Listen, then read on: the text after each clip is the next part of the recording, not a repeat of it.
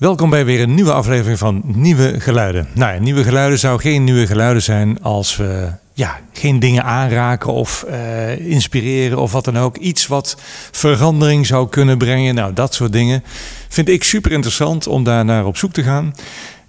En deze keer, ja, ik ben super enthousiast over dit gesprek. Dit gesprek wat hier aan tafel heeft plaatsgevonden. En ik dacht van, ja, wie willen we nou eigenlijk inspireren, weet je wel? Wil je, wil je volwassen mensen inspireren? Uh, kan dat? Wil je ze inzicht geven in, in hoeverre we geprogrammeerd zijn, dat we dat helemaal niet meer in de gaten hebben? En uh, er wordt heel veel gesproken over uh, dat mensen nu langzaam ontwaken, wakker worden. Maar wat is dat nou eigenlijk? Dat zijn allemaal van die termen waar je eigenlijk niks mee kunt. Zeker als je vol in die programmering zit. En met de programmering bedoel ik dan eigenlijk hè, dat we dus binnen de lijntjes kleuren precies het zo doen zoals we het al die honderden jaren al gedaan hebben. Vanaf je kind zijnde al word je eigenlijk al in een soort matrix geduwd, zo zie ik dat dan. Hè? Dat begint met je ouders, met school, met daarna vriendjes, met werk, met politiek, met systemen, met religie, met noem het maar op, hè, met media ook vooral. Dus wij zijn in ons hoofd althans heel erg gestructureerd en ge, gemodificeerd en geconditioneerd om, om eigenlijk maar met één doel, om die samenleving zogenaamd draaiende te houden. Hè? Maar vooral denk ik dan dat je daarvoor moet zeggen de economie draaiende moet houden. En als we dat allemaal los zouden laten, als we die systemen niet meer zouden omarmen, als we er gewoon niet meer in geloven, ja, dan wordt het een chaos, hè? Dan wordt het een chaos. En ik denk nee, want wij zijn zelf het systeem. Dat wat in ons zit, dat wat door ons heen leeft, dat is een systeem. En als wij het de kans geven om dat natuurlijke systeem naar buiten te laten komen, dan gaat alles vanzelf. Ik heb dat eigenlijk vergeleken met een baby. Als een baby geboren wordt, vandaar dat ik zo enthousiast ben over dit verhaal wat we dadelijk gaan krijgen, want we gaan praten over Doe 040, de democratische school in Veldhoven. En Jacqueline van Ewijk gaat er dadelijk zoveel moois over vertellen. Maar goed, even die baby. Je bent geboren. Wat gebeurt er? Heeft er iemand invloed op die baby? Nee. Die baby gaat huilen als hij honger heeft. Dat doet hij helemaal zelf. Niemand heeft daar invloed op. Als die baby moet poepen, doet hij ook zelf. Niemand zegt dat die baby dat moet doen. En wat denk je van die eerste stapjes? Die eerste stapjes dat hij gaat lopen, daar heeft niemand invloed op. Die baby doet dat geheel op zijn eigen tijd dat hij of zij er klaar voor is. Dat is toch zo prachtig? Dus die eerste jaren van die baby gaat dat allemaal vanzelf, van binnen naar buiten. En uiteindelijk, als die baby dan zo'n 4, 5 jaar is, als je naar school moet, dan gaan alle volwassenen, boah, die duiken op die baby, kind, op het kind, en die gaan dat kind eigenlijk vanuit een soort geconditioneerde visie, vanuit een systeem, gaan ze dat kind helemaal klaarstomen om in 15 tot 20 jaar dan toch wel in die maatschappij te kunnen iets te gaan doen. En als je er goed over nadenkt, dan stopt dus eigenlijk het automatische van die baby op een jaar of vier, vijf. En dan wordt het overgenomen door de volwassenen. Dan begint dus die programmering. En ik, nu ik deze podcast gezien heb en gehoord heb, dan denk je, wat shit, inderdaad. Dus eigenlijk is een kind daarna, wordt er zeg maar een soort aangeleerde hulpeloosheid wordt er aangeleerd van, wij weten het, jij kunt nog niks, maar wij gaan het jou allemaal leren. Nou ja, probeer in ieder geval deze podcast niet verstandelijk te benaderen, want dan ga je meteen in de hoezo en ja maars, dat doet je verstand. Als je in een bepaalde hokje zit, in een bepaalde programmering, dan zul je niet bij dat andere kunnen, wat, wat er ook gewoon klaar ligt. Die maatschappij ligt ook gewoon klaar. En dat gaat uh, Jacqueline vertellen. Ik uh, wens je vooral veel plezier met het luisteren naar de. Probeer het gewoon de onderstroom te voelen. Ga niet op detail, maar probeer deze onderstroom eens te voelen. Wat wordt hier nou eigenlijk bedoeld in heel deze podcast? Waar gaat het heen met onze maatschappij? Wie zijn wij en wat zit er allemaal in ons wat er uit mag komen? Niet volgens die geleerde en geconditioneerde patronen, maar wat zit er echt in ons? Wat is die natuurlijke flow die we met z'n allen hebben? Dat ook wat, wat wij met elkaar de verbondenheid hebben. Dat is die natuurlijke flow. Althans, zo zie ik het. Hè? Ik zie graag eens in de comments wat je ervan vindt.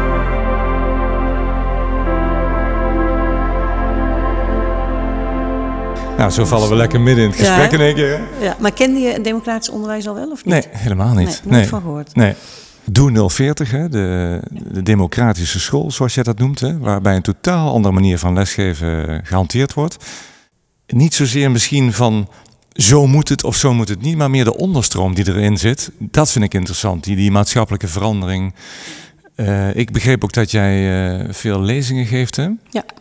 Wat, wat, zeg jij, wat zeg je dan in het begin als je opkomt? Heb je een soort elevator pitch idee om in één minuut even kenbaar te maken van wat is die school nou? Hoe doe je dat? Nou, meestal eh, probeer ik een beschrijving te geven. Stel je voor, ik heb zo'n TED-talk gegeven bijvoorbeeld. Hè. Stel je voor, er is een school, er is een plek waar je naartoe mag als kind, waar het gewoon heel fijn is.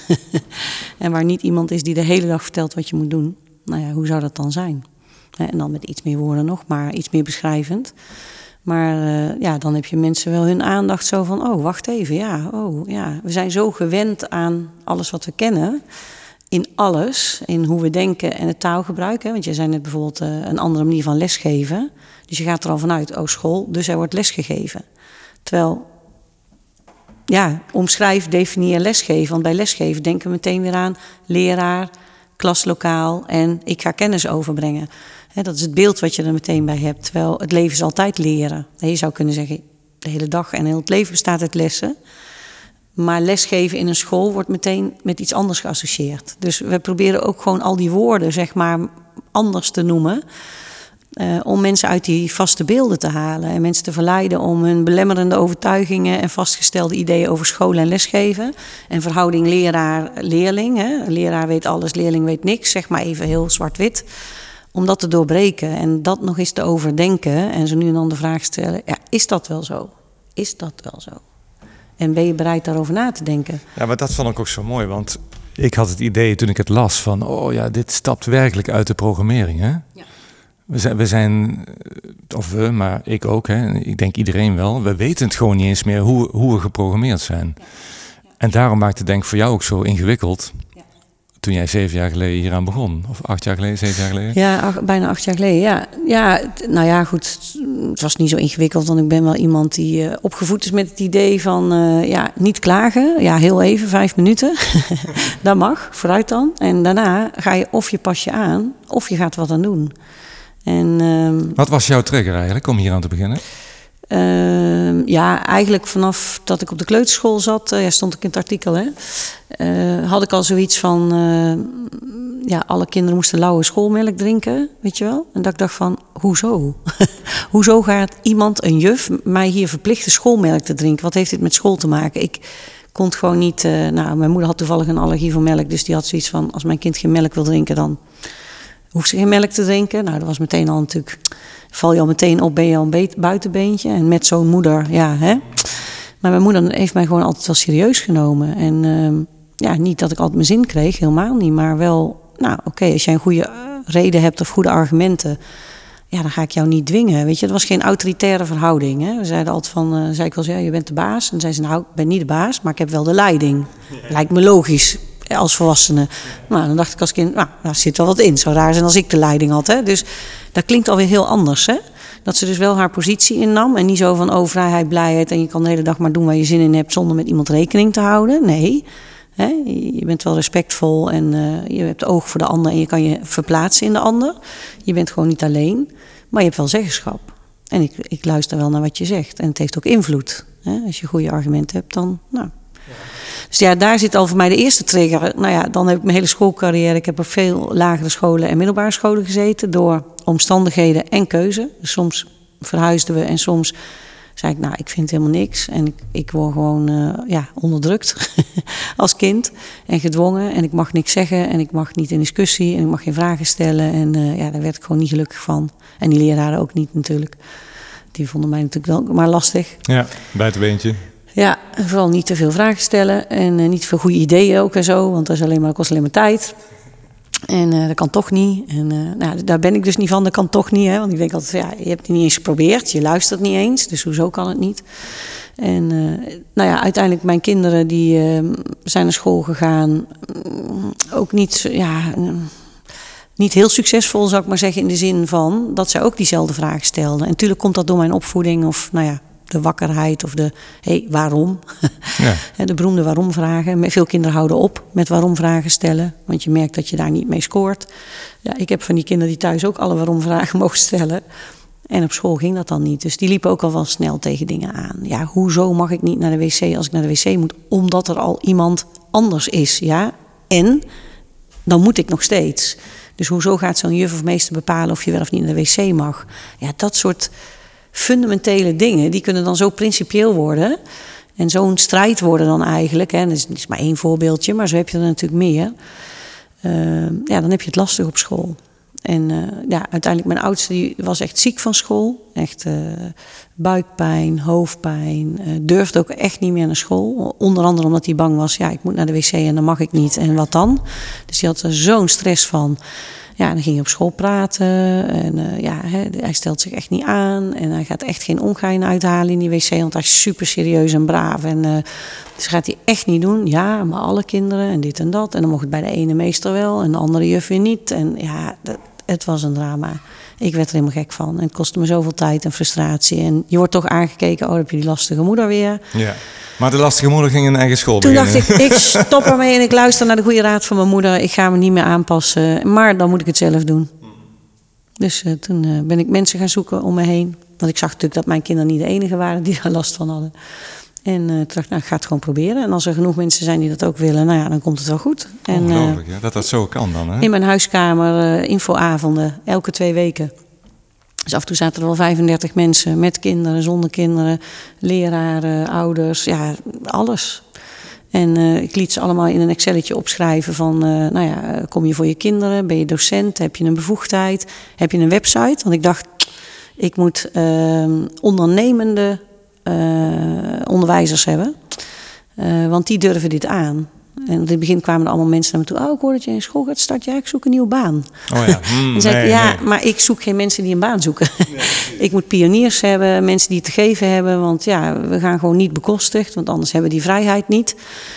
Dus dat wil zeggen dat je gewoon in het begin helemaal niets verdient. Gewoon ja, heel veel liefde en uh, aandacht en uh, dankbaarheid. Maar daar zul je het mee moeten doen. Dus je zult een partner moeten hebben die verdient. Of geld over of whatever. Maar we hebben gewoon geen geld in het begin.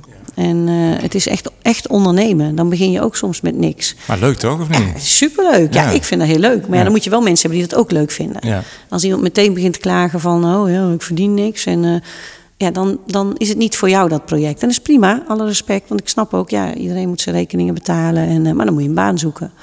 Of iets lucratiefs gaan doen, uh, zakelijk. Dat kan ook. Maar dan moet je geen school beginnen die niet bekostigd gaat worden. Hoe heb je dan bijvoorbeeld een pand gevonden? Ja, uh, een mooi businessplan gemaakt en een meerjarenplan. En als je meerjarenplan gaat, dan zie je geld groeien. En over het algemeen zijn mensen die zakelijk ingesteld zijn, als ze geld zien groeien, dan hebben ze interesse. Want meer kinderen is meer geld, hè? Ja. Dus ja, een soort massa-kassa-concept. Um, dus als ze dan vertrouwen in mij hebben, dacht ik dat ik, als ik het met een paar kinderen kan, dat ik het ook met veel kan, dan zien ze dat wel zitten. Maar toen heb ik gezegd, dan wil ik een soort groeimodel vanuit maatschappelijk ondernemen. Spreek je dan maar aan op, wil je me helpen? Uh, in het begin betaal ik dus weinig huur, want ik heb weinig inkomsten, want ik heb nog maar weinig kinderen. Maar naarmate er meer kinderen komen, kan ik je meer gaan betalen. Dus het is eigenlijk een gegarandeerd model. En die mensen betalen iedere maand. Ik bedoel, het is niet als in een winkel, als het niet bevalt, dan kom ik niet meer. Of als het niet goed is, breng ik het terug. Uh, in principe, als mensen tevreden zijn, dan blijven ze komen, blijven ze ook betalen. Dus nou ja, ik op verschillende plekken kon ik eigenlijk uh, plek huren voor ja, relatief weinig geld. En uh, het enige waar ik mezelf in de vingers gesneden heb, is dat ik geen plafond ingebouwd heb. dus toen ging het op een gegeven moment zo goed en zo hard. En toen werd het eigenlijk wel een beetje te duur. Ik had niet verwacht dat ik zo snel zou groeien. Oh, ja, want maar, je was omzetgerelateerd uh, huren betalen. Ja, precies. Ja, ja. ja. Dus, want op een gegeven moment wil je natuurlijk wel een soort omslagpunt maken dat je mensen wel kan betalen. En uh, nou, uiteindelijk is dat ook wel na wat praten gelukt. En toen zijn we naar een andere locatie gegaan. En daar heb ik wel een bevroren huur gekregen. Dus, uh, nou, dus uiteindelijk kwam het goed, maar het was wel even spannend. Ja. ja. Hey. En was dat nou jouw grootste angst toen je begon met dit hele concept? Uh, niet. Nee, echt niet? Nee, echt niet. Nee. Bijzonder. Hè? Nee, nee, ja, nee, angst, nee. Ja, mijn moeder zal, ja, mijn moeder, ik heb erg veel van mijn moeder geleerd.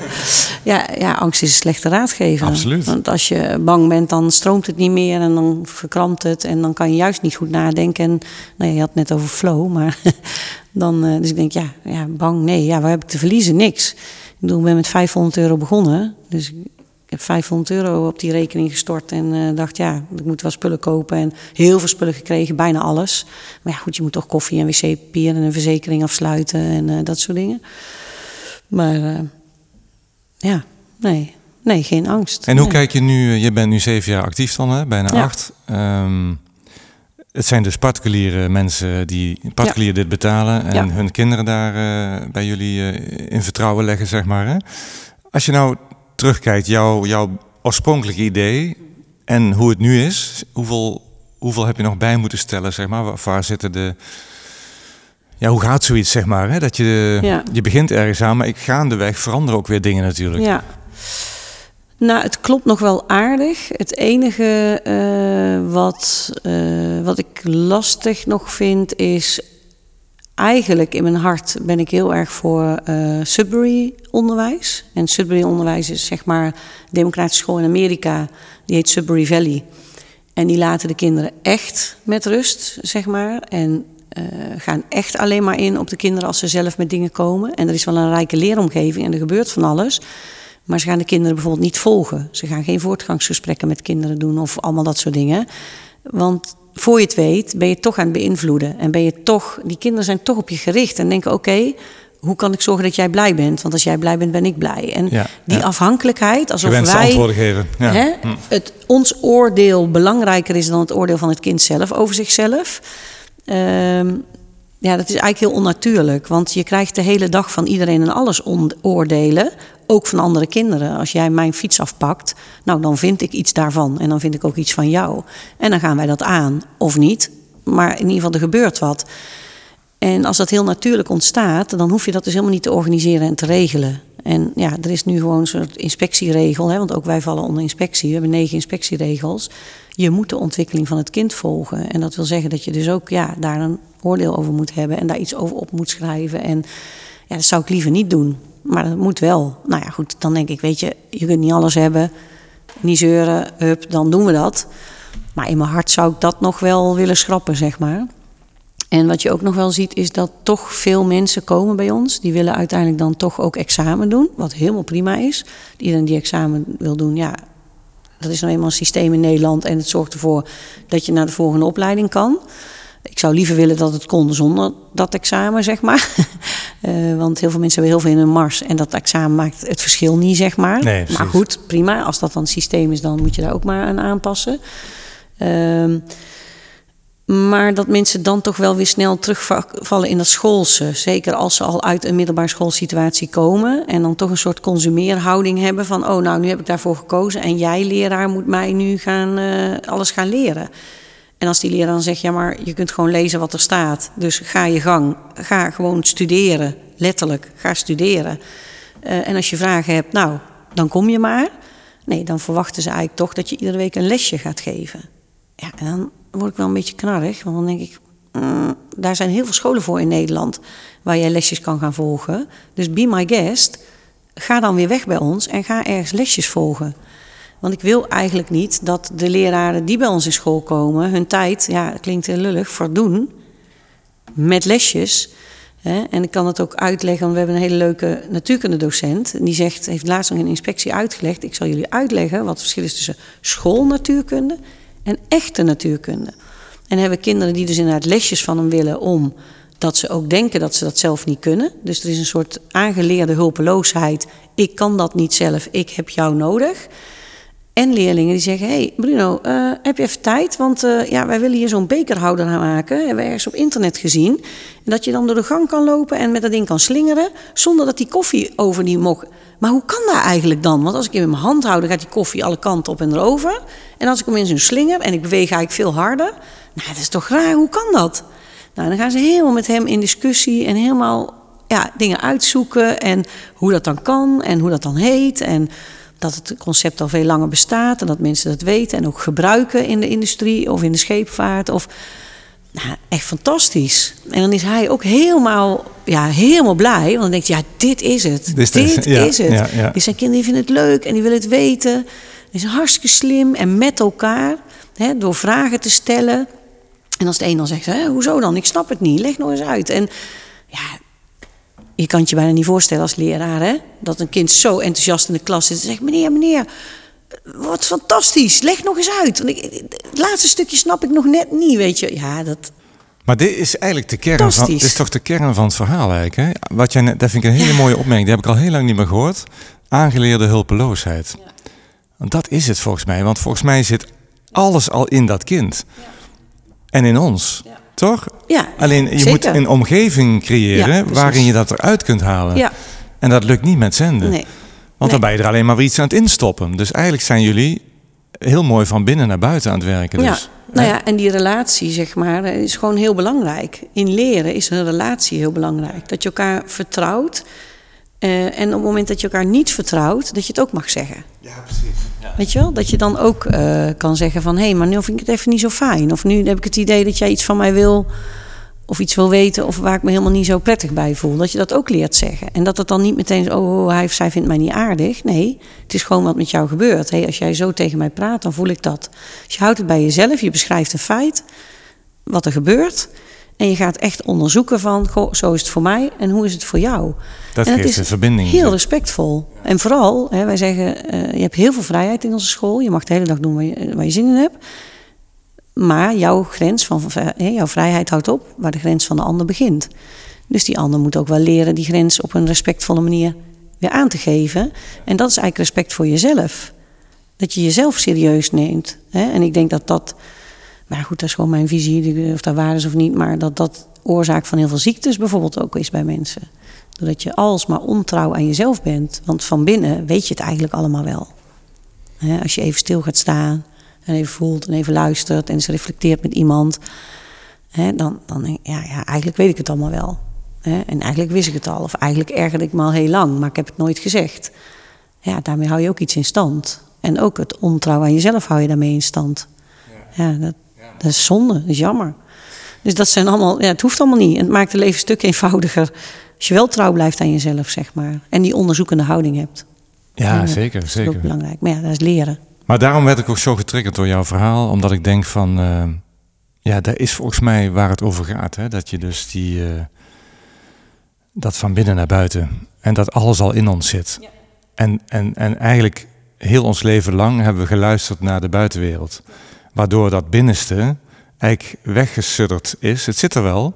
Maar het is eigenlijk een beetje eh, ja, weggestopt. Een beetje uitgedoofd. We hebben het wel eens over een vuurtje. Hè? Als je baby, peuter, kleuter, ja, daar vuur, pff, weet je wel. Alles wat ze zien, alles wat jij hebt, willen ze ook. En dan is dat vuur helemaal aan. Ja, en als je in een bankje stil moet gaan zitten, dan gaat dat vuur lang, langzaam uit.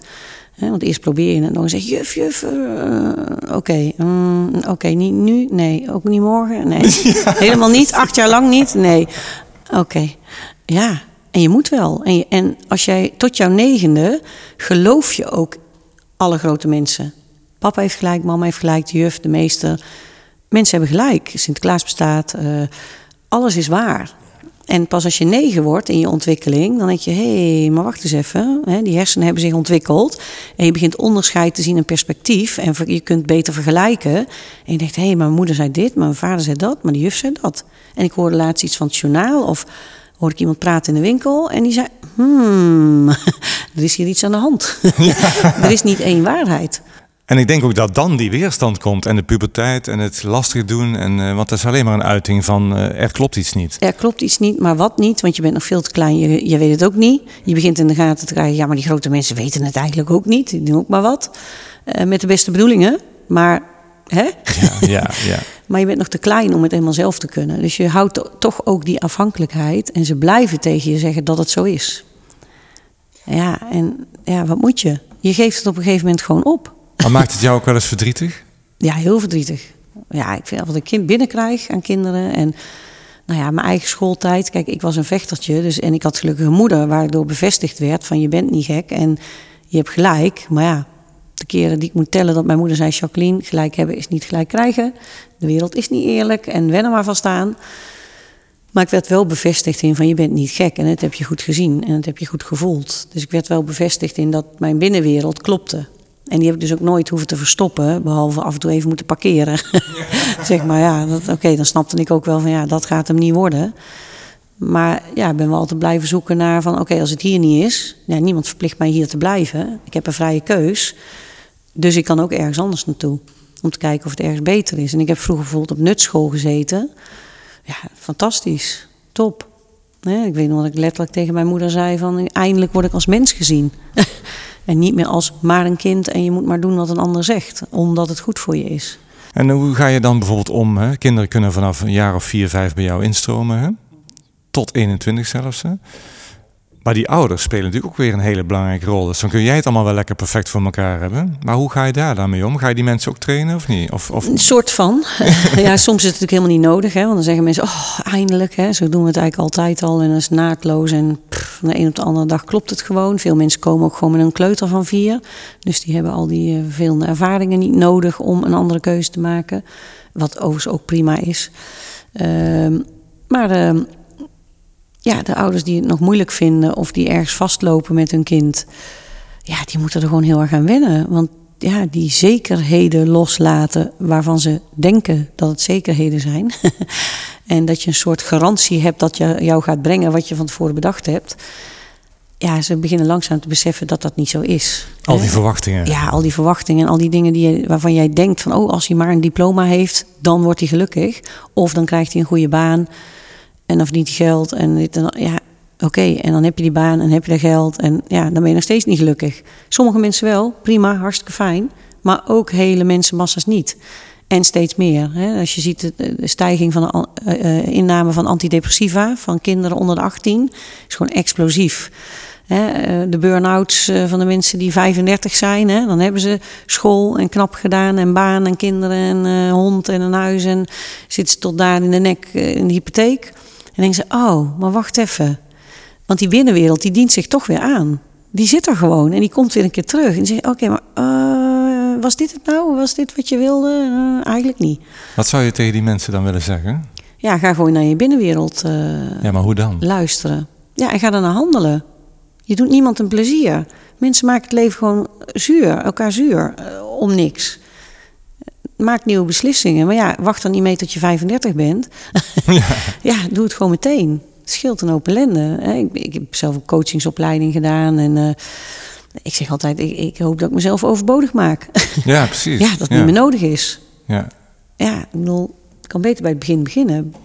Maar eigenlijk heb jij dus altijd gedaan, de laatste zeven jaar, wat jij leuk vond. En ik denk dat dat, ligt daar ook niet gewoon de sleutel dan, voor iedereen. Maar worden we weerhouden door angsten of dat we het goed willen doen voor de, de omgeving of dat soort dingen? Ja, nou ja, ik denk meer in een soort gecreëerd beeld wat de werkelijkheid dan zou zijn, zeg maar. Het is ook maar cultuur bepaald. Hè. Ik weet niet of het boek uh, Homo sapiens hè, van die uh, Japanse meneer heb gelezen. Nou, het prachtig boek. Die zegt, ja, alles is bedacht. En dat had ik als kind al. Ik dacht, ja, leuk, maar dat is allemaal bedacht. Je kunt net goed iets anders bedenken met z'n allen. Maar ja, hoe krijg je van één iemand naar z'n allen. Dat is natuurlijk best ingewikkeld. En dat, dat, neemt natuurlijk decennia en generaties voordat dingen echt veranderen. Maar kijk maar in andere delen van de wereld. Ja, daar, daar hebben ze iets anders bedacht.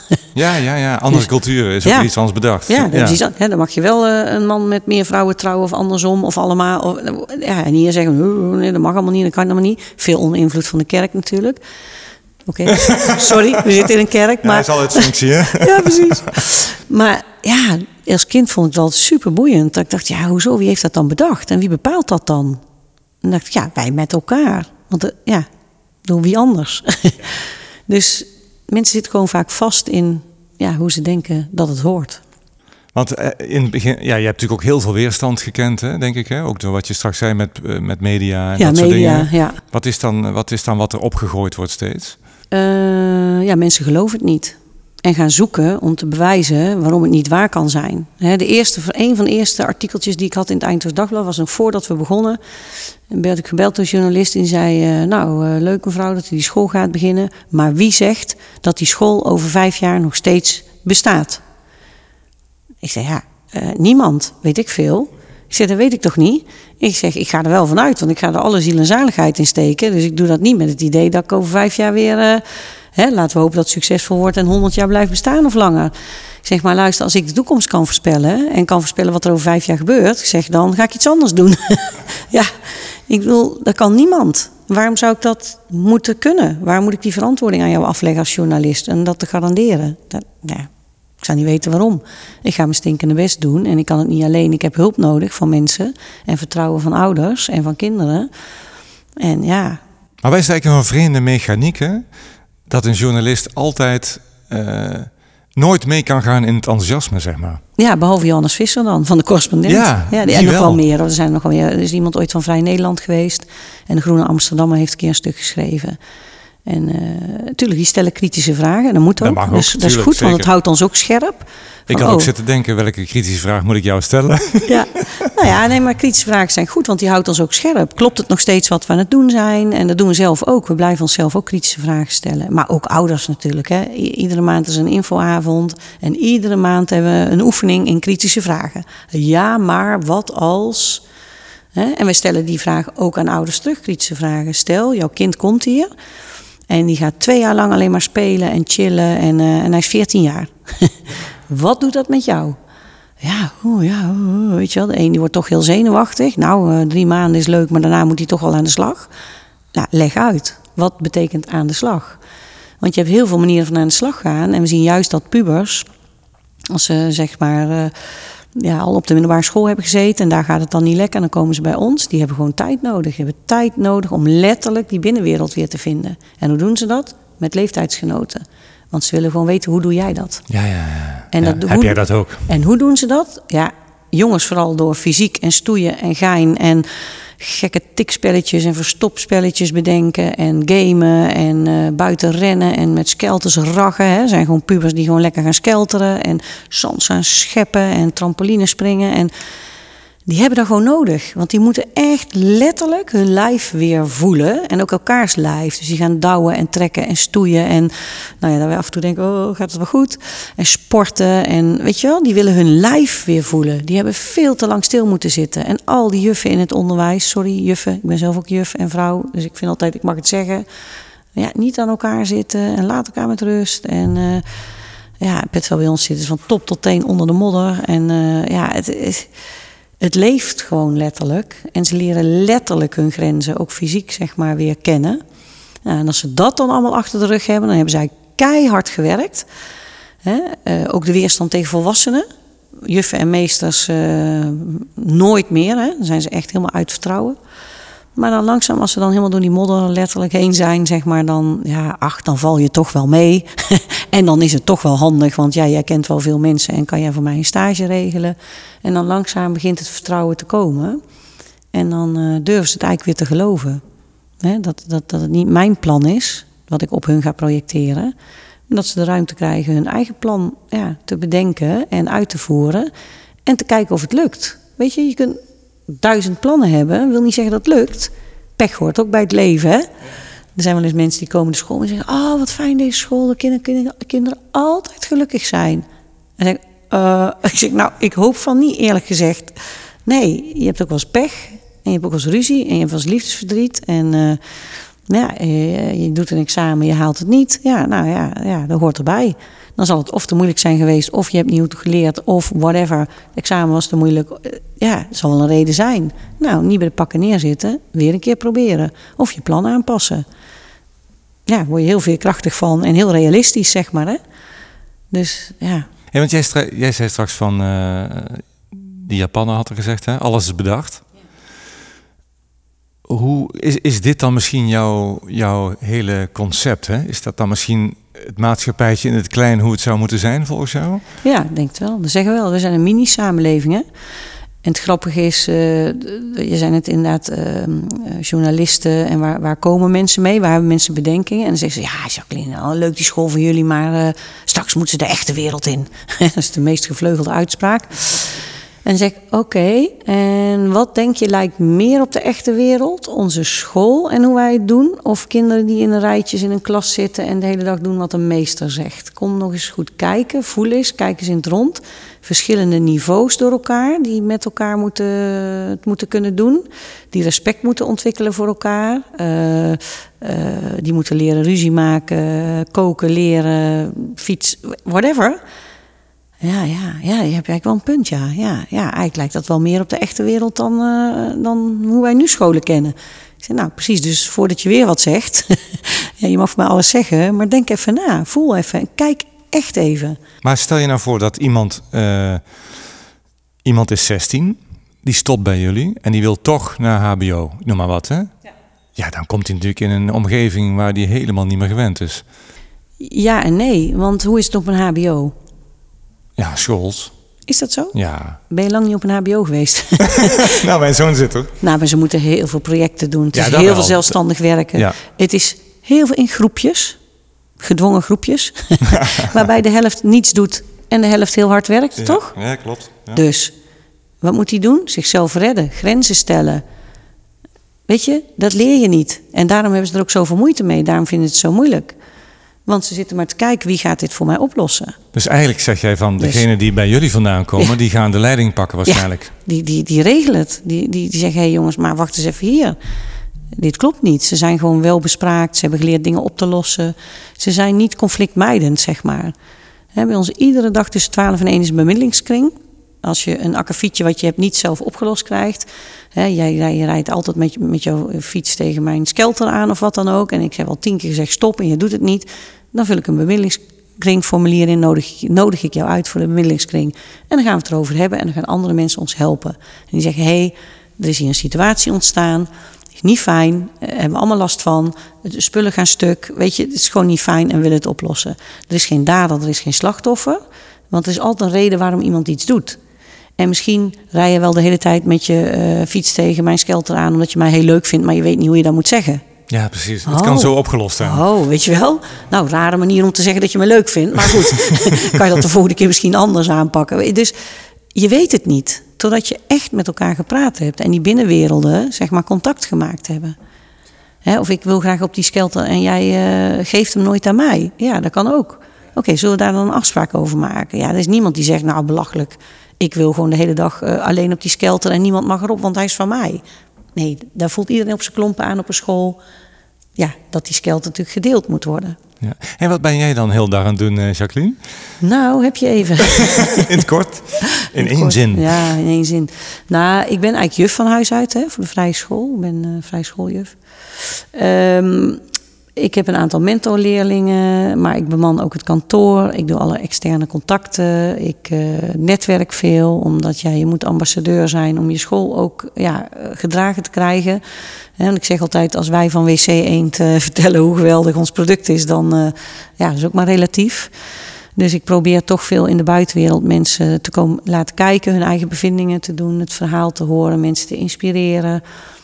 Ja, omdat ik hoop dat dit een soort olievlek wordt. Want ik gun dit ieder kind. Hè? Ik zei het straks al, soms kinderen die bij ons binnenkomen, ja, het is. Ja, ik krijg gewoon overspannen kinderen binnen. Ja, en, eh, en kinderen die zo beschadigd zijn en geen zelfbeeld meer over hebben. En nou, soms is het in een vingerknip opgelost. En nou ja, als een lammetje in de wei denken ze van... wow, weet je wel, dit is paradijs en ik mag je eindelijk drummen en muziek maken... of, of ja, in de werkplaats. En, eh, ja, en anderen zitten jaren in de knel nog en eh, psychische problemen... en eh, omdat ze niet geloven dat ze iets waard zijn. Want er is ze altijd verteld van in allerlei... Hè, niet letterlijk, maar door het systeem... Luister maar naar ons. Hè? Ja. Veilig leren lezen. Je bent een maandje of een sterretje of een zonnetje. Ja, ik heb als kind gehad. Ze, ja, ik zou nooit een zonnetje worden. ja, dan denk ik, oh Germ, kom maar hier. Jij bent mijn zonnetje. ja. dan denk ik, wat doen die kinderen aan? Stop daarmee. Het moet echt verboden worden. Ja, het is echt niet oké. En al die cijfers en toetsen en lager onderwijs en hoger onderwijs. En ja, weet je, het zijn woorden. Het doet mensen geen recht. En kinderen al helemaal niet. De, hoger, lager, het bestaat gewoon niet. En, en het moet eruit. Al die bewoordingen, wat mij betreft, moeten allemaal geschrapt worden. Dus dat is ook een beetje een missie. Ja. Dus ja, dat is, ja, dat, ja, dus wat doe je? Ja, dat. En nieuwe docenten zoeken en akkefietjes oplossen. En de CV, de CV-man aansturen als de CV. En Want we hebben natuurlijk niks. We hebben geen staf, we hebben niks. Dus ik ben conciërge, hoofdinkoop, facilitaire dienst, directeur. ik, gisteren heb ik de gangen staan stofzuigen, want de poets had, had afgezegd. Ja, van poets mevrouw tot maar je vindt het nog steeds oké? Ja, ik vind het allemaal oké. Ja, het is allemaal onderdeel van. En als je ondernemer bent, ik ben lang ondernemer geweest. En nog dus, maar ook zelfstandig ondernemer, zakelijk zeg maar. Ja, weet je, niemand gaat die vuilniszakken voor je wegbrengen als je klein bedrijf bent. Moet je ook gewoon zelf doen. Maar ja, het, het feit, het is toch weer een bedrijf geworden natuurlijk. Hè? Maar zo zie je het waarschijnlijk helemaal niet. Ja, toch wel. Toch wel, ja? ja nee, maar vind je dat niet vervelend dan? Dan, wordt, dan wordt het weer zo'n instituut. Nee, want het is gewoon een bedrijf. Je moet gewoon dingen noemen wat ze zijn. Hè? En daar gaat het juist vaak mis. Hè? Sommige mensen beginnen heel idealistisch een schooltje, want ze zijn tegen het systeem. Ik heb altijd gezegd, ik wil nergens tegen zijn, ik wil ergens voor zijn. Dat is één. En twee, er gaat geld in om. En mensen, dus het is een bedrijf. Er gaat geld in en er gaat geld uit. En je moet je bedrijf op orde hebben. En het is een heel bijzonder bedrijf, omdat het over kinderen gaat. Dat maakt het extra het zijn geen gele of rode bloempotjes, zeg maar. Dat als er eens een keer een beetje misgaat, dat je zegt, nou, jammer, hè, verkeerde kleur. Die doen we naar de outlet. Nee, het zijn kinderen. Dus het is heel spannend, want je wil het niet fout doen. Je wil het eigenlijk alleen maar goed doen. Want er zijn ook toch wel eens kinderen die, die dan toch uitstromen natuurlijk. Die dan het toch niet redden of zo. Of niet willen. Of... Ja, maar dat bestaat eigenlijk niet, zeg ik altijd. Dat hoort dan zo. Nou, dat hoort dan zo. Dat is dan hun pad. In het begin deed de inspectie dat ook. Hè? Want er zijn kinderen die komen een jaar bij ons. Nadat ze al op de middelbare school hebben gezeten. En na een jaar gaan ze weer. Komt niet zoveel voor, maar af en toe. Zeg, oh, heel vermoeiend deze school. Moet allemaal zelf doen en zelf uitzoeken. En moet ik zelf om hulp gaan vragen. Want die lessen, ja, die zijn niet standaard. Ja, ik ga weer terug naar die middelbare school. Dat was handig. Iemand die zo'n rooster maakt, die bel gaat. Die meester zegt, sla open, doe dit, doe dat, doe zus. Heerlijk. maar dan doen ze het wel en dan kunnen ze het wel. En dan hebben ze twee kanten van de medaille gezien. En dan gaan ze terug. En dan zegt de inspectie, dan zei de inspectie... oh ja, oh, wel, uh, ja, wel uitstroom, wel uitvallers. Ik zeg, uitvallers?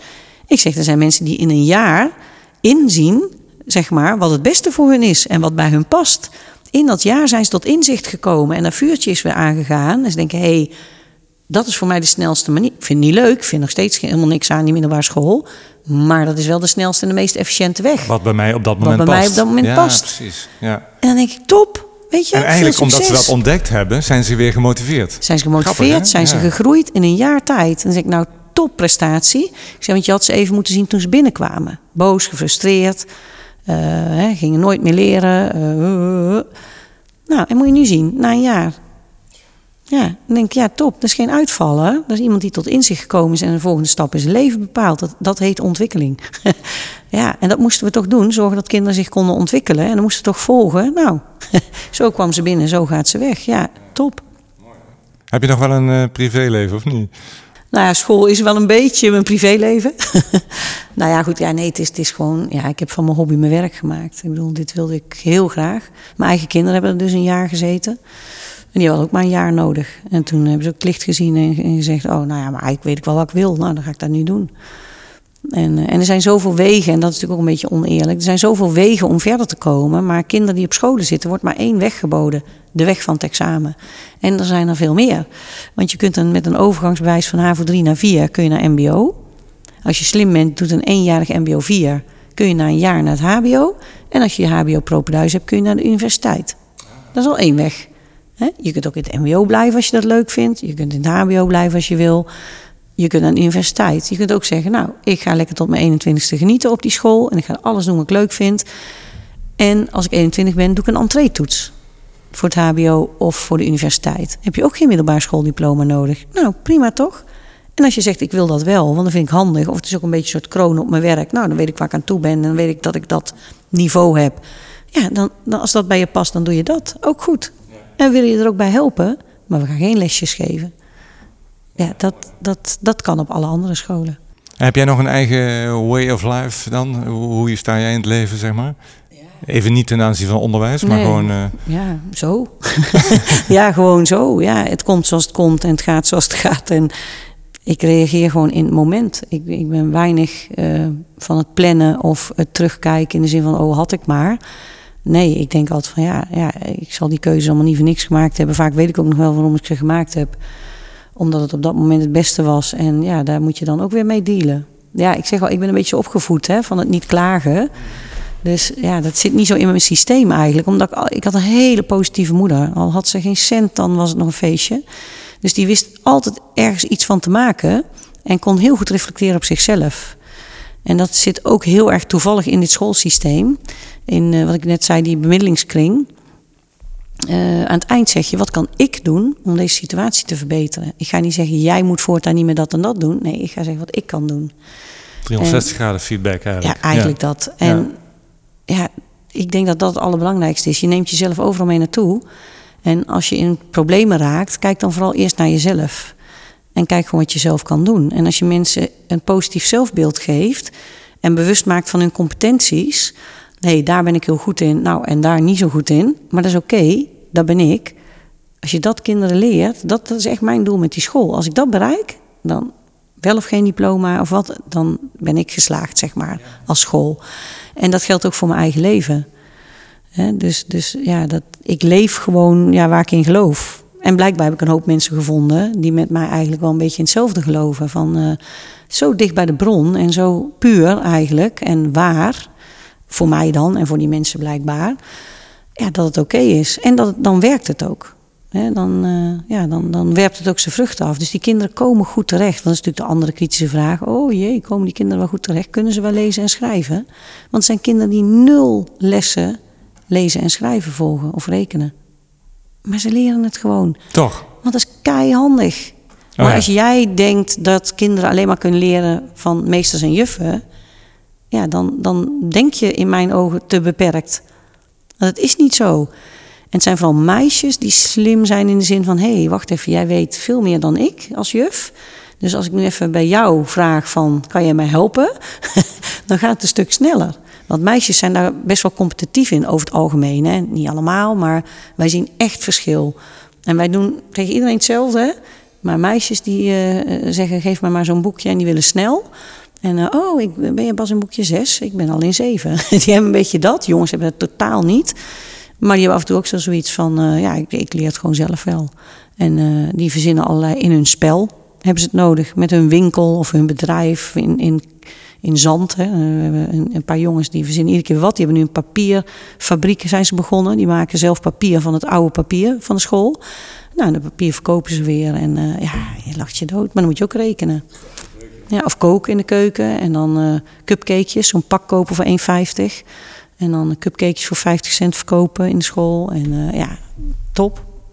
Ja, leuk. Learning by doing. Ja, learning by doing. Ja, ja. Het heet niet voor niks doen, hè? Ja, ja, ja. ja, Doen. Ja. ja. En jullie zitten in Veldhoven, hè? Ja. En uh, wat, heb je nog toekomstideeën, plannen? Ja, heel veel. nou ja, goed. Ik, ik heb in de tijd gezegd tien scholen in tien jaar. Dus ik heb nog twee jaar voor die andere negen. nou kan ik een beetje smokkelen, want uit onze school zijn al twee nieuwe scholen ontstaan. één in Deurne en één in Den Bosch. En uh, er zijn wel wat initiatieven, mensen die wel wilden of half begonnen, maar dan is het toch niet gelukt, zeg maar. Uh, maar we zitten nu vol. Na de zomervakantie zit onze school vol. Want we willen als community niet groter worden dan 150 leerlingen. Dat is het getal van Dunbar. Ik weet niet of je er ooit van gehoord hebt. Ja. Ja. Dat is een veilig getal om nog goede relatie met elkaar te hebben. Daarna valt het in groepen uiteen. Uh, dus we willen een nieuwe school uh, beginnen. Dus ik ben nu op zoek. Uh, maandag komen twee wethouders op bezoek. En ja, ik, ik, ben nu aan het roepen dat ik een pand zoek of een plek waar we een volgende school kunnen beginnen. En, en dan ook liefst scholen die een beetje verschillende signatuur hebben. Dus wij hebben nu een school met een grote kinderboerderij. We hebben 8000 vierkante meter boerderij met dieren erbij. Uh, maar de volgende school kan bijvoorbeeld op de high-tech campus zijn. En dan kunnen kinderen stage lopen en samenwerken met de ondernemers die daar zitten. Maar ook één op Strijp S, bijvoorbeeld midden in de stad, een echte stadsschool. Um, of uh, weer juist bij de zorg in de buurt. Hè. Lunet heeft aan de kant van Nune bijvoorbeeld een hele mooie ja, groene locatie. De, dus ook dat de kinderen die talenten hebben op al die gebieden, uh, daar zich kunnen verbinden en zich waardevol kunnen voelen. Welk niveau dan ook. Want iedereen heeft iets toe te voegen, iedereen heeft waarde. En uh, dus we hoeven het helemaal niet over hoog of laag te hebben. Alles is nodig. Alles is ook van waarde. Alles is van waarde. En, Want jij en... zei straks, dat vond ik heel mooi. Hè? Jij zei, we zitten heel dicht bij de bronnen. Ik, ik voelde dat ook meteen toen ik jouw stuk las of hoorde. Van, oh, hier gebeurt iets. Wat ja, ik eigenlijk ook een beetje aan wil raken met nieuwe geluiden, zeg maar. Hè? Van, als we toch gewoon allemaal onze bron leven, door ons heen, dan komt het toch goed, heb ik het idee, weet je wel? Dan, dan Ja, zijn heel we- idealistisch, maar ja, ja. maar ik voel hem wel. Dus ik heb zoiets van, eh, ik weet niet hoe jij daar tegenaan kijkt in, in, in Kijk, we hebben, zitten hier nou in het voormalige kerkje natuurlijk. Hè. Heb, ja, daar is ook altijd gesproken over God en dit soort dingen. Hè. Maar dat is maar een label, denk ik. Maar wat is voor jou die bron dan? Hoe zie je dat? Ehm, nou ja, goed, ja, dan kom ik weer bij mijn moeder. Hè. Ja, het wordt bijna afgezaagd. Maar ik, ik had vroeger natuurlijk heel veel vragen over God. Want ik heb één jaar op de eerste klas lagere school op katholieke school gezeten. Waar nog drie keer per dag gebeden werd. En ik ben niet katholiek. En ik was van gescheiden ouders. Dus ik was sowieso een buitenbeentje. Als enige in de klas. Eh, maar dan ging thuis ook vragen. Op school ging ik ook vragen stellen over God. Nou, dat was niet zo'n goed plan. Maar thuis mocht ik die vragen natuurlijk wel stellen. En mijn moeder, ja, die wist natuurlijk ook niet, had ook geen klinkklaar antwoord. Die zei maar voor mij, zei zij altijd. En je moet zelf maar kijken wat je ermee doet en hoe het voor je. Maar voor mij is God, is dat stemmetje in jezelf. Die zegt van, hmm, Jacqueline, nee, dit is niet goed wat je nu doet. Oh, wat je nu doet, ja, dat is goed, daar kan je tevreden over zijn. Maar dat is je eigen stemmetje. Dat stemmetje zit in jou. En die weet wat goed of niet goed is. En dat is voor mij God. Dus die zit gewoon allemaal in ons, in iedereen. En daarin is iedereen dus ook ja, gelijkwaardig. En dat zeg ik op school ook, hè. We zijn niet gelijk, maar we zijn wel gelijkwaardig. En we hebben allemaal rechten, we hebben allemaal bepaalde plichten. Ja, dat vond ik wel een mooie gedachte. En ik dacht toen van, nou ja, oké, het is een antwoord. En ik zie wel eh, wat ik er later mee doe en of ik daar anders over ga denken. En ik denk dat nou, dat stukje, dat goddelijk stukje, zeg maar, zoals ik het dan zie, wat in ons zit allemaal en wat er gewoon is. Ja, ik zie het niet als zo'n man met een witte baard op een wolkje, zou ik maar zeggen. Eh, maar er is wel iets wat ons verbindt en wat ons kracht geeft en wat ons inspiratie geeft en wat ons mens maakt, zeg maar. En, en levend wezen, laat ik het zo zeggen. Het zit niet alleen in mensen, het zit ook in planten en dieren en stenen en het zit overal in. Hè? Dus ja, dat is wel wat ons verbindt. En eh, ja, ik denk als we dat eh, nou ja, beter voor zorgen, laat ik het zo zeggen, en beter erkennen en herkennen, ja, dan, dan, dan leef je veel meer vanuit dat stukje bron. Hè, dan ga je dus ook niet meer vanuit wantrouwen of alleen maar vanuit je eigen belang, maar dan ga je veel meer, zoals we op school ook doen, vanuit community-gedachten. Van hé, hey, het moet niet alleen goed voor mij zijn, het moet goed voor ons allemaal zijn. Want Ja, maar dan moet je natuurlijk wel eerst die, eerst moet je eerst die bron gevoeld hebben. Hè? Want anders Ja. zit je weer in je hoofd. Ja. Met geconditioneerde Ja, maar dan hoef je alleen maar naar kinderen te kijken. Ja. Die zijn die bron. Ja, mooi hè? Ja, die hebben nog niet al die trucs en... Nee. Ja, Kijk, maar is dat- dat het mooiste voorbeeld hè? Jonge kinderen. ja, die zijn nog heel puur. En het is allemaal waar wat zij uitzenden en uitstralen. En eigenlijk hè, blijven kinderen dat ook wel heel lang doen. Ik zeg altijd, eh, lastige kinderen, die bestaan niet. Bestaat gewoon niet. Hè, dat is eigenlijk een kind die zegt, hé, hey, er is iets met mij... en ik heb ergens ontzettend veel last van. Ik weet alleen niet wat, want ik kan het niet benoemen. Ik kan er nog geen woorden aan geven. Maar er is iets waardoor ik niet happy ben. En ik laat dat jou zien op deze manier. ja, en dat kan zijn door heel veel te bewegen... of door met alles te smijten, of te schreeuwen, of te gillen, of whatever... Of heel stil te worden en helemaal in mezelf terug te trekken. Of niet meer te eten. Er zijn heel veel manieren om dat kenbaar te maken. Maar meer is het niet, denk ik dan. Dus als je weet... Ik heb mezelf ooit oorzaakdeskundige genoemd. Als je weet wat de oorzaak is... eh, je kunt er samen achter komen... Ja, dan, dan kan je dat ook loslaten. En zeggen, oh ja, hé, maar nu heb ik een andere manier gevonden om... eh, eh, om daar woorden aan te geven en het een plek te geven. En jij ziet mij nu en het is nu erkend en herkend door mezelf, door jou.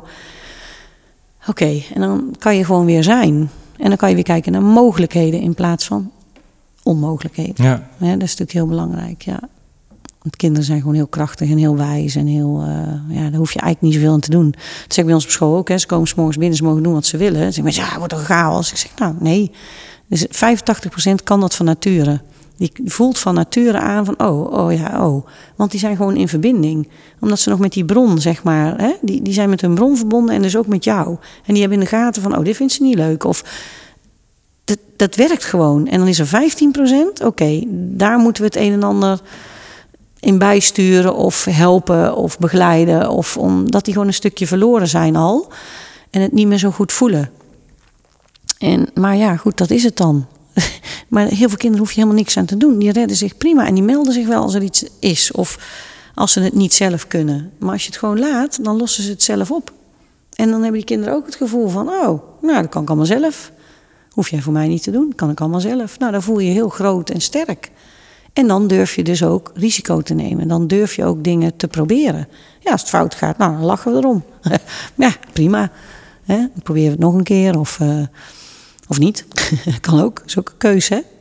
Nou ja, en je vroeg net inderdaad, wil je nog bereiken? Nou, die tien scholen is leuk. dat is een beetje ambitieus. Maar wat het allerbelangrijkste is, ik wil natuurlijk gewoon dat dit onderwijs bekostigd wordt. Ja, Want dat, is natuurlijk een groot onrecht. Dus als ik ergens ontevreden over ben en wel een beetje verdrietig of boos, dan is het dat dit niet bekostigd wordt. Ja, maar nou moeten de, de wat rijkere ouders, zeg maar, die moeten dit bekostigen. Nou, zelfs dat niet, want uh, ook dat is een misvatting. Hè? Dat wordt ook vaak gezegd, oh, ze alleen voor rijke ouders. Ja, dat is dus niet zo. Uh, het is heel goed te doen, want als je een krantenwijk neemt, zeg ik maar even heel simpel, heb je een kind op school. Hè? Want wij werken zo ver onder de kostprijs, bewust, zodat iedereen die het echt wil, die kan gewoon een kind bij ons op school hebben. Zo goedkoop is het. En we hebben nu zelfs een combi met de BSO, waardoor je ook nog door de kinderopvangtoeslag heel veel terugkrijgt. Dus het is niet zoveel meer. En tuurlijk baal ik daarvan en vind ik dat mensen dat niet hoeven te betalen, want ze hebben al belasting betaald en ze hebben recht op gratis onderwijs. Het is zelfs een schaars recht, hè? De rechten van het kind. Heeft Nederland ook ondertekend. Dus ik bedoel, ja. Maar goed, daar ben ik ook veel tijd in aan het steken met een uh, stichting Bekostigde Onderwijsvrijheid. En zijn we veel in Den Haag en bij de politiek en bij OCW. En ja, zijn we nu andere scholen aan het verzamelen om een experimentaanvraag te doen. Hebben we als eerder gedaan, maar nu met een hele grote groep. Ja, om te zorgen dat dit bekostigd wordt. En meteen niet alleen van ons, maar ook al die scholen die ook last hebben van eigenlijk die beperkende regels. Die inbreken op de pedagogiek eigenlijk zelfs. Uh, en kinderen onrecht aan doet. Om dat los te halen. Dat die financiering niet meer gekoppeld mag zijn aan de pedagogiek. Ah, ja, ja, ja. ja dat precies. moet echt bij de pedagogen blijven. En dat als de overheid geld geeft, tuurlijk hebben zij zeggenschap over waar je dat dan uit mag geven. En tuurlijk moeten zij controleren of dat ook gebeurt. En of er geen gekke nou ja, besturen in grote auto's gaan rijden van dat geld, ik zeg maar wat. Maar weet je, ze hoeven zich niet met de inhoud te bemoeien, nog steeds niet. Uh, van hoe je dan vervolgens dat onderwijs inricht, dat is vrij. Hè? En als er reguliere scholen blijven bestaan met klassen. En prima, als mensen daar wel bij varen, of islamitische scholen of christelijke scholen, of doe je ding. Als daar behoefte aan is, is er behoefte aan. Ja, dat is ook. Ja. Ieder, ieder zijn ding, dat is helemaal prima. Ik zeg niet dat het alleen maar democratische scholen moet worden. Maar ik vind het is nu een oneerlijke positie. Er is geen keuze. Er is geen keuze. Het is geen echte keuze. Nou, je kan toch met je kind naar een democratische school? Ja, moet ik wel heel veel geld betalen. En mensen maken andere keuzes. Ze gaan niet meer op vakantie, ze verkopen de tweede auto. Uh, heel veel mensen, waaronder ik zelf ook, grote dure huis verkocht, klein huisje gaan wonen. Ik heb bijna geen hypotheek meer, daarom kan ik dit werk doen. Hè, ik heb er nog een baan naast. Ook nog? Ja, ik kan er niet van leven. Nee. Je kan er niet van leven. Dus ja, weet je, het is gewoon, dat, dat voelt wel als oneerlijk. Maar ja, goed, dan denk ik me, oh ja, het leven is niet eerlijk. Maar, ja. maar ja, jij zegt 150 kinderen. Nou, maar wat is 300 euro een maand? Nee, het is 130 kinderen. Uh, want met ons erbij is het 150, zeg maar, met het team. Oh, en daar zitten we nu dan eindelijk bijna aan. Maar dan komen we nog anderhalf miljoen tekort. Want ook de huisvesting wordt normaal gesproken uh, betaald door de overheid via de gemeente. En om een vergelijk te geven, uh, een gewone school zonder extra toeslagen van uh, laagopgeleide ouders en immigratieachtergrond en whatever. Een standaard krijgt een kind op lagere school rond de 56, 5700 euro per jaar. En een middelbaar scholier 8000 euro ongeveer. Dan wordt de huisvesting ook nog bekostigd. Dat is wat een school per kind krijgt, zeg maar, van de overheid. Wij vragen ouders 3600 euro voor het eerste kind, 2400 euro voor het tweede kind en that's it. Daar moeten we onderwijs van doen, huisvesting en alles. En daarnaast nog eens mogen we met geen enkele subsidie meedoen. Niets. Lerarenfonds, uh, uh, NPO-gelden, corona. Nou ja, ik geloof niet in achterstanden, maar... Nee, maar oké, dan moet je met drie, vier ton moet je alles draaien. Ja, dat is niet veel natuurlijk. Nee, nee, nee. nee, inderdaad, onze omzet is 4 ton nu. Ja. En uh, ja, that's it. En dan moet ik 25 mensen mee aan het werk houden. Ja, dat is onmogelijk. Weet je, dat, dat gaat niet. Nee. He, dus in die zin is het bedrijf natuurlijk niet realistisch. En zeg ik, maar ja, het is een idealistisch bedrijf en we moeten gewoon eerst heel veel investeren. Laten zien. En de winst zit hem dus niet alleen in het geld, maar in de ma- maatschappelijke opbrengst. Ik heb een keer meegedaan met een project van Binnenlandse Zaken. En die zeiden, Jacqueline, maar wat jullie hier doen, jullie leveren een type burger aftrekt in de samenleving. Die wel het verschil gaat maken, die wel zijn mond open doet, die wel gaat stemmen, die wel een mening heeft. Die, nou, enzovoort, enzovoort, enzovoort. Eh, eh, als een ondernemer is die zegt, Jacqueline, ik onderschrijf dit eh, helemaal en ik ga jullie steunen structureel totdat de overheid inziet dat dit bekostigd moet worden. Graag. Hè? Ja, dus die continuïteit, die wil ik heel graag. Maar dan moet ik wel realistisch zijn en blijven. En ook mensen aantrekken die weten van ja, dit is het. En het dunne ijslaagje van ons bedrijf is die financiering. Dat is gewoon, dat is een risico. Dat is ons bedrijfsrisico. De rest valt allemaal mee, komt allemaal goed. Allemaal goede mensen, allemaal ouders die het begrijpen en die uh, het leren, zeg maar. Het loslaten, het vertrouwen, het anders vasthouden. Hè. Het is niet echt loslaten natuurlijk, maar hun ideeën vasthouden. Ja, ja, ja. uh, dus ja, dat, dat, dat, ja, het kost gewoon tijd. Ja, ja.